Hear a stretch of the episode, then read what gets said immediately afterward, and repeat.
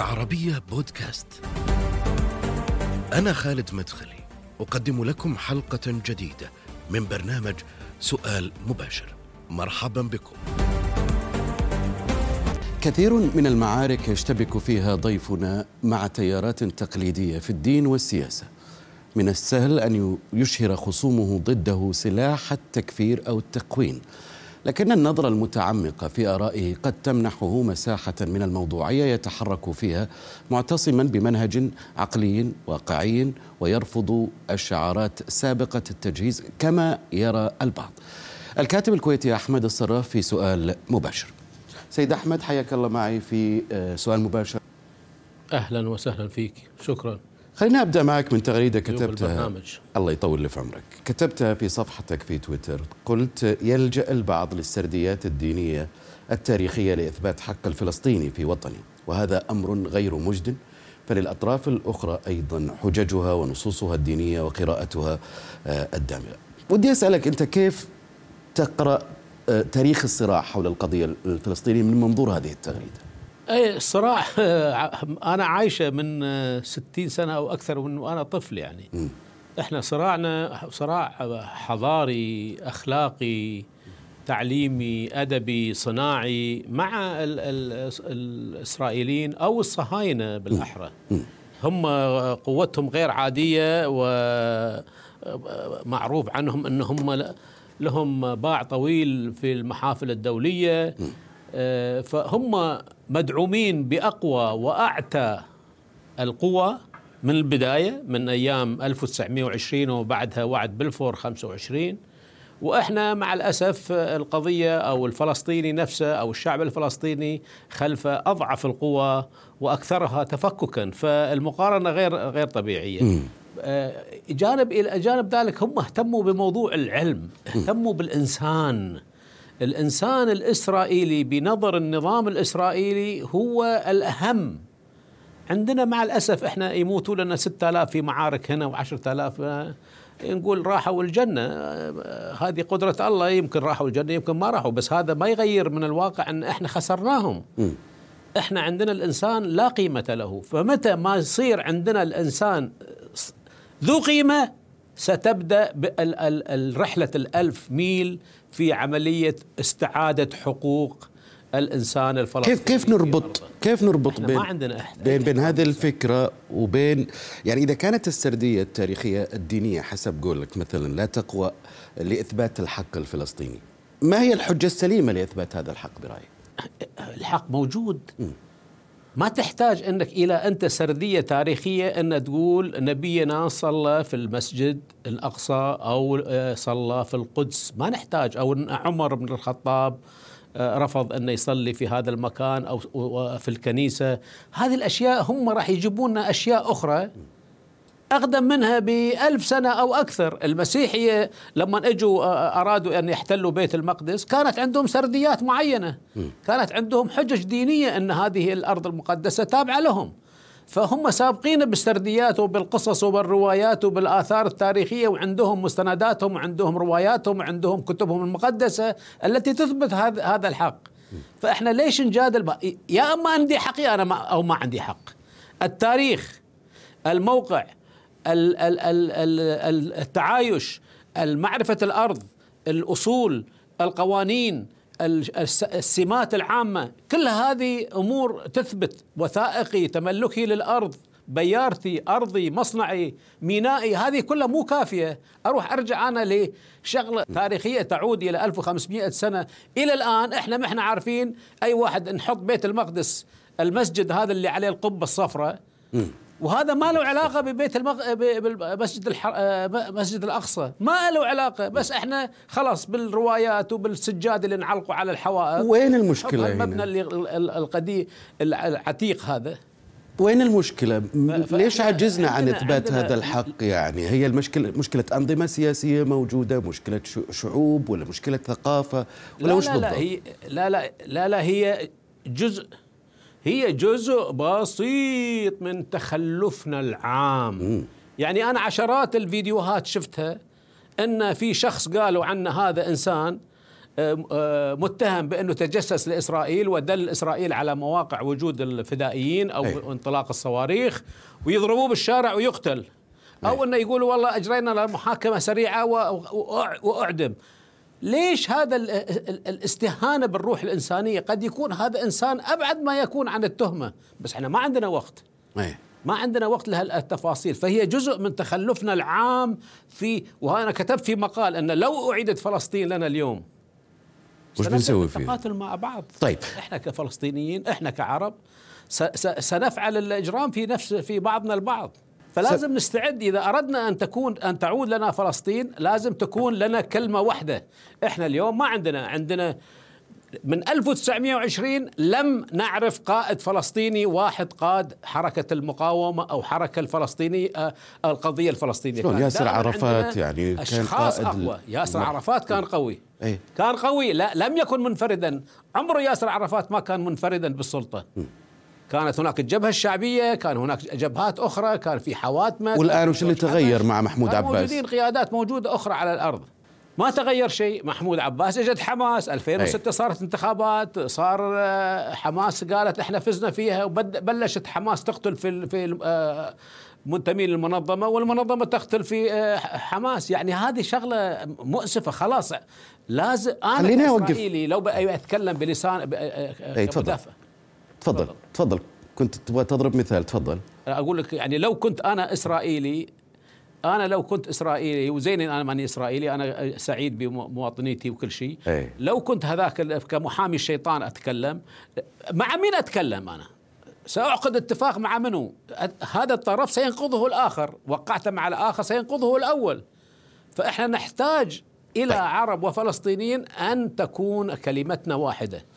تقول سبعون سنة. موجودة هذه على أرض الواقع. وال- والفلسطينيين رهنوا نفسهم للعرب من البداية. طيب تقول سبعون سنة ونحن نصدح. يا فلسطين جينا لك. ومع هذا لم تتقدم الجيوش العربية خطوة واحدة للأمام. بل تزايد تراجعنا. وفقط زادت من حولنا الغبرة المتطايرة من كعوب وبساطير جنودنا وصلت إسرائيل لأرفع مستويات العلم والتحضر وحتى الإنسانية آه، آه، آه، النسبية. تقول بعد ذلك بأنه وصلنا في الوقت نفسه لقمة التخلف في عدد سجوننا ومعتقلاتنا ومختبرات إهانات كرامة مواطنينا سأرفض الاتفاق الإماراتي الإسرائيلي إن كان في عقل أي فرد منا ذرة أمل في أوضاع دول دولنا العشرين أو 22 ستتغير لل- للأفضل. أنت كتبت العقيد العديد من المقالات حول حول المواجهات الأخيرة بين إسرائيل والفصائل الفلسطينيين. والبعض هنا يمكن حتى لو سمع كلامك يعتبرك بانه أنت تحمل المسؤولية دائما في هذه الصراعات على على حماس. هل هذا صحيح؟ لا. هي تتحمل جزء من هذا أكيد. هذه ليست مجرد مع إحنا جميعنا فشلنا لأن لما ساعدنا الفلسطيني بالمال وبالسلاح أعطيناه بيد السلاح وبيد شروط أخرى. فكان دائما في آه، آه، قيادات فلسطينية محسوبة على سوريا، قيادات محسوبة على مصر، قيادات محسوبة على الدولة الفلانية، فإحنا كلنا مسؤولين، ما نقدر تقول إنه والله الحماس قد تكون حماس الأكثر شراسة والأكثر مسؤولية أو الجانب الآخر أكثر شراسة. خلينا ناخذ ال- ال- اللي حصل مؤخرا في غزة. من المسؤول؟ أنت تعرف إنه المشكلة هذه بدأت باقتحامات من جماعات صهيونية تحت إذن من قبل الحكومة الإسرائيلية كما يرى البعض. للمسجد الأقصى وفي تهجير كان لأكثر من 200 عائلة فلسطينية في حي الشيخ آه، آه، جراح في القدس. وهي الشرارة التي أشعلت آه، هذه المشكلة اللي حدثت في الأيام الأخيرة. في حرب استمرت 11 يوم. ردت حماس بإطلاق صواريخ. هنا المسؤولية على من تقع نعم. على المسؤولية علينا. نحن نرجع مرة ثانية إن إحنا ما قاعدين نستعد لأي معركة قادمة، إحنا دائما عندنا ردود فعل. الفعل يأتي من الجانب الأقوى الأكثر التزاما مع نفسه، الأكثر اتحادا، الأكثر قوة، الأكثر معرفة وقاعد يحط بالكورنر إحنا آه، مهمتنا الآن إطلاق الصواريخ اللي هي أقصى ما نستطيع أن نفعله في هذه الوضع. وش المفروض يصير كان؟ امام أمام مثلا هذا الاستمرار في الاقتحامات للجماعات الصهيوني. في المسجد الأقصى التهجير للعائلات الفلسطينية في الأحياء القدس الشرقيه وش. يسوون؟ وش يسوون يعني؟ شلون نستعد؟ لماذا لماذا فعلت لماذا فعلت إسرائيل كل هذا فينا؟ أي. لأنها عارفة أن إحنا ضعفاء متشرذمين غير متحدين. كلمتنا ليست واحدة. سنورط الفلسطيني إن تقدم. سنورط الجيش العراقي إن أراد أن يحارب. سنقطع عن الجيش اللبناني بظهره ان إن تقدم. هذه هذه المخاوف موجودة فإسرائيل تستفيد من هذا التشرذم من هذا التفتت العربي والتخلف. إحنا وضعنا فعلا بائس. لما تجي آه، أهم القوة في المجتمع الكويتي ويطالبوا بأن امتحانات الثانوية والمدارس تكون كلها أونلاين. وشافوا الكارثة اللي صارت السنة اللي فاتت اكسل الطلاب أخذوا أعلى الدرجات وأرسلوا في بعثات لدراسة الطب والهندسة. وهم ما يستاهلوا حتى يكونوا بوابين عمارة. فهذه إحنا مشاكلنا يعني هي تبدأ صغيرة. الصغ... عدم الاهتمام بالمشا الأخطاء والجرائم أو الجنح الصغيرة قاعد أنت تعطي وصفة للمجرم في المستقبل يأتي. إحنا ما دي نهتم فيها الأمور. المجرم اللي هو إسرائيل. يا أخي أعطينا رجع لنا فلسطين وإحنا نهتم. لا بيناتنا إحنا بيناتنا إحنا ما قاعد نهتم ما قاعد نخلق المواطن الذي سيكون بمقدوره الانتصار على هذا العدو مستقبلا. يعني مخرجات مدارسنا إحنا وأنا كاتب مقال بكرة عن الثورة العلمية أو التعليمية في السعودية أرفع لها قبعتي أنا ما عندي عقاب. أي. هذه الثورة مستحقة من من عشرات السنين. فإحنا كيف مستعدين إلى اي معركة مع هذا جلد للذات سيد أحمد أنت ما مليت من هذا الموضوع يعني طوال السنين هذه اللي اعطيك جلد ذات بس حقيقي يا أخي كل واحد يقول لي جلدات جلدات إذا إذا ما تبيني أنتقد نفسي وأبين عيوبي شنو الطريقة الأخرى؟ أقول والله أنا ممتاز أنا ماني ممتاز. طب هل هل يمكن موضوع تخلف اقتصاديا استثماريا. موضوع توقيع الاتفاقيات مع إسرائيل في هذه الحالة اليوم. هل هي حل؟ هل هي جزء من الحل في التعامل مع القضية القضية العربية والإسلامية أو قضيه قضية فلسطين؟ لا لا لا أب ابدا ابدا لا لا, لا هذه غير حل. لأن ببساطة إحنا مش متحدين من راح راح يوقع على أي أساس راح يوقع؟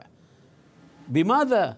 مفروض الخطوة الأولى اتحاد الكلمة الفلسطينية. أي. بيجون الجامعة العربية يتكلمون بنفس واحد وصوت واحد.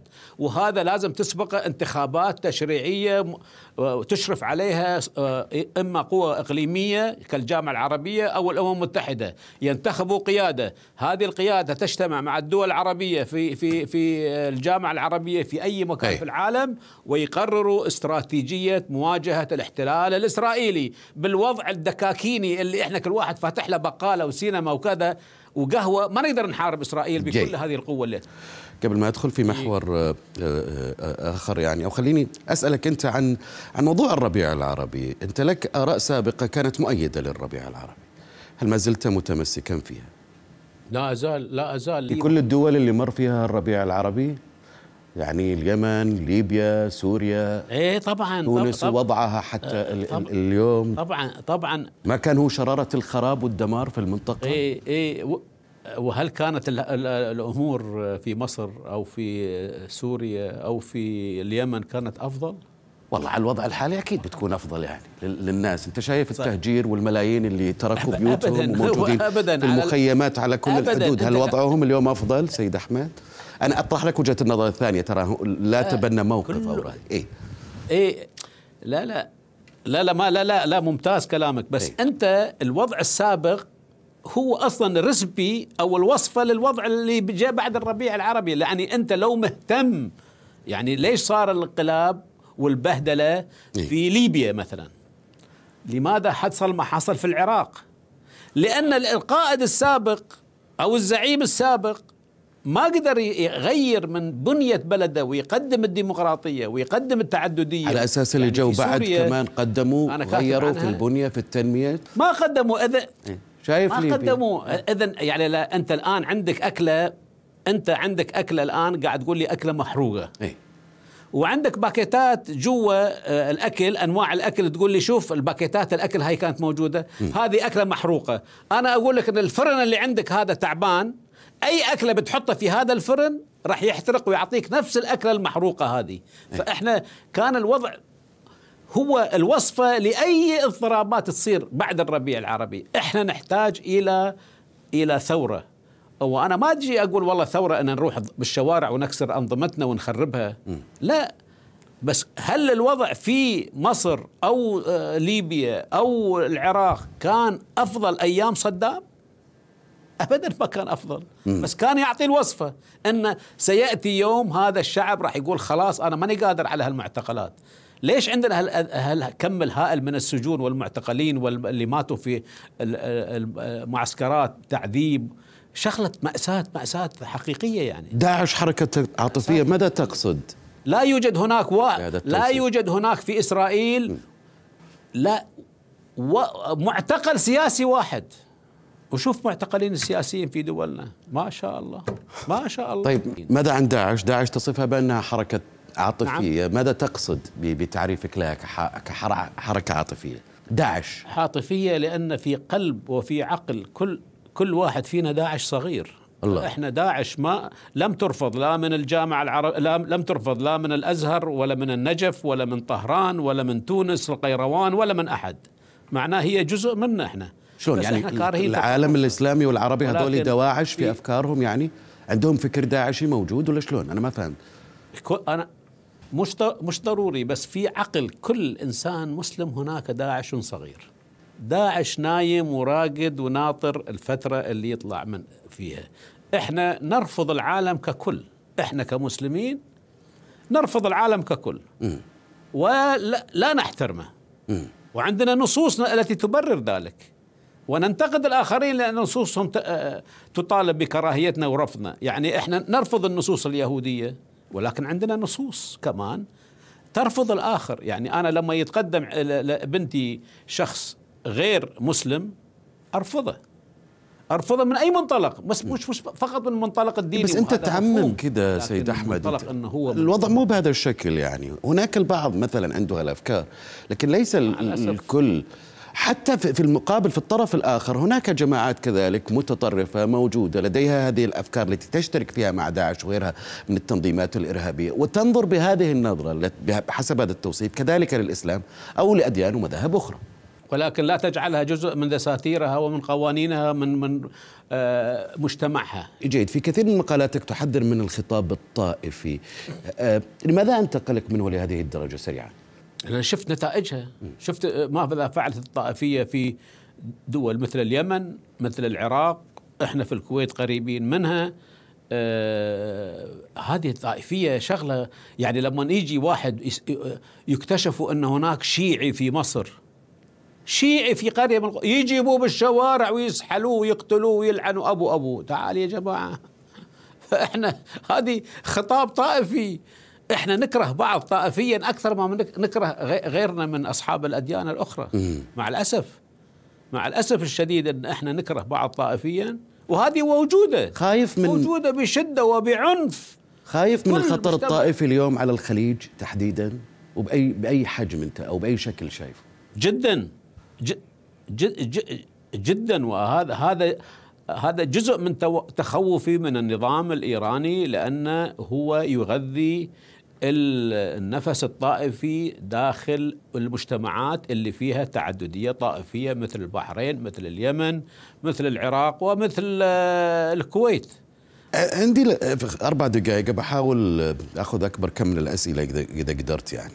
تقول في مقال اخرجوا يا مسيحيي دمشق. وبيروت ومعلوله من أوطاننا واخرجوا يا مسيحيي الموصل ونينوى وبغداد من بلداننا واخرجوا يا مسيحيي لبنان من جبالنا وودياننا ويا مسيحيي فلسطين والجزيرة من شواطئنا. اخرجوا فقد سئمنا التقدم والحضارة والانفتاح والتسامح والمحبة. اخرجوا لنتفرغ لقتل بعضنا البعض. يعني كأنك تربط التحضر والانفتاح والتقدم الموجود في المجتمعات إذا كان هو موجود. الآن في المجتمعات ال- العربية أو مجتمعات بوجود المسيحية في ال- في العالم العربي. وان وإن غيابهم يعني التخلف والتقهقر والاقتتال هل هذا صحيح؟ ليس بالضرورة. حلو. أنا أحتاج للمسيحي للتعددية. أحتاج المسيحي للون اللي يضيفه على اللون الرمادي اللي أنا مش راضي أغير عنه. أي. أحتاج المسيحي لأن ثقافته مختلفة وأنا لازم أعدل ثقافتي لما أنا ما أقرأ إلا الكتاب لما في أحد شيوخ الدين رفع القرآن الكريم قال أنا ما أردش غير الكتاب ده له 30 أي. سنة أنا أحط القرآن على رأسي وأحترمه أي. وهذا كتاب آه، دين تغذينا منه وعرفناه بس. مو معنى أن الثقافات الأخرى أنا ما أنظر لها أو الكتب الأخرى ما أقرأها أو ال- ال- اللغات الأخرى ما أطلع عليها. المسيحية تعطيني المدخل لتسامحي. عدم وجود المسيحية في مجتمعي تجعلني إنسان آخر. هل ينطبق على كل مناطق في العالم العربي؟ منغلق على نفسي. خلينا ناخذ موضوع لبنان اليوم. اليوم أحد أذرعة الحكم الرئيسية آه، وجزء من الأزمة القائمة في لبنان هو مسيحي العنية يعني السياسية كثيرون من اللبنانيين يشتكون من هذا العهد المتحالف مع حزب مع حزب الله. آه، كيف ترى الأمر أنت؟ ما هو سبب مشكلة موجود حلو. الآن؟ انت أنت جبت ال... هي أح- اليوم أكثر آه، شخص مرغوب في العمل معاه أو مصاحبته أو تروح معاه أو تسافر عنده هو اللبناني. أي. مع كل مشاكل. لا تحكي لي على لبنان أو تجيب لي قضية لبنان في مرحلة عونية وحزب الله والتحادم لا أنت تأخذ لبنان ككل.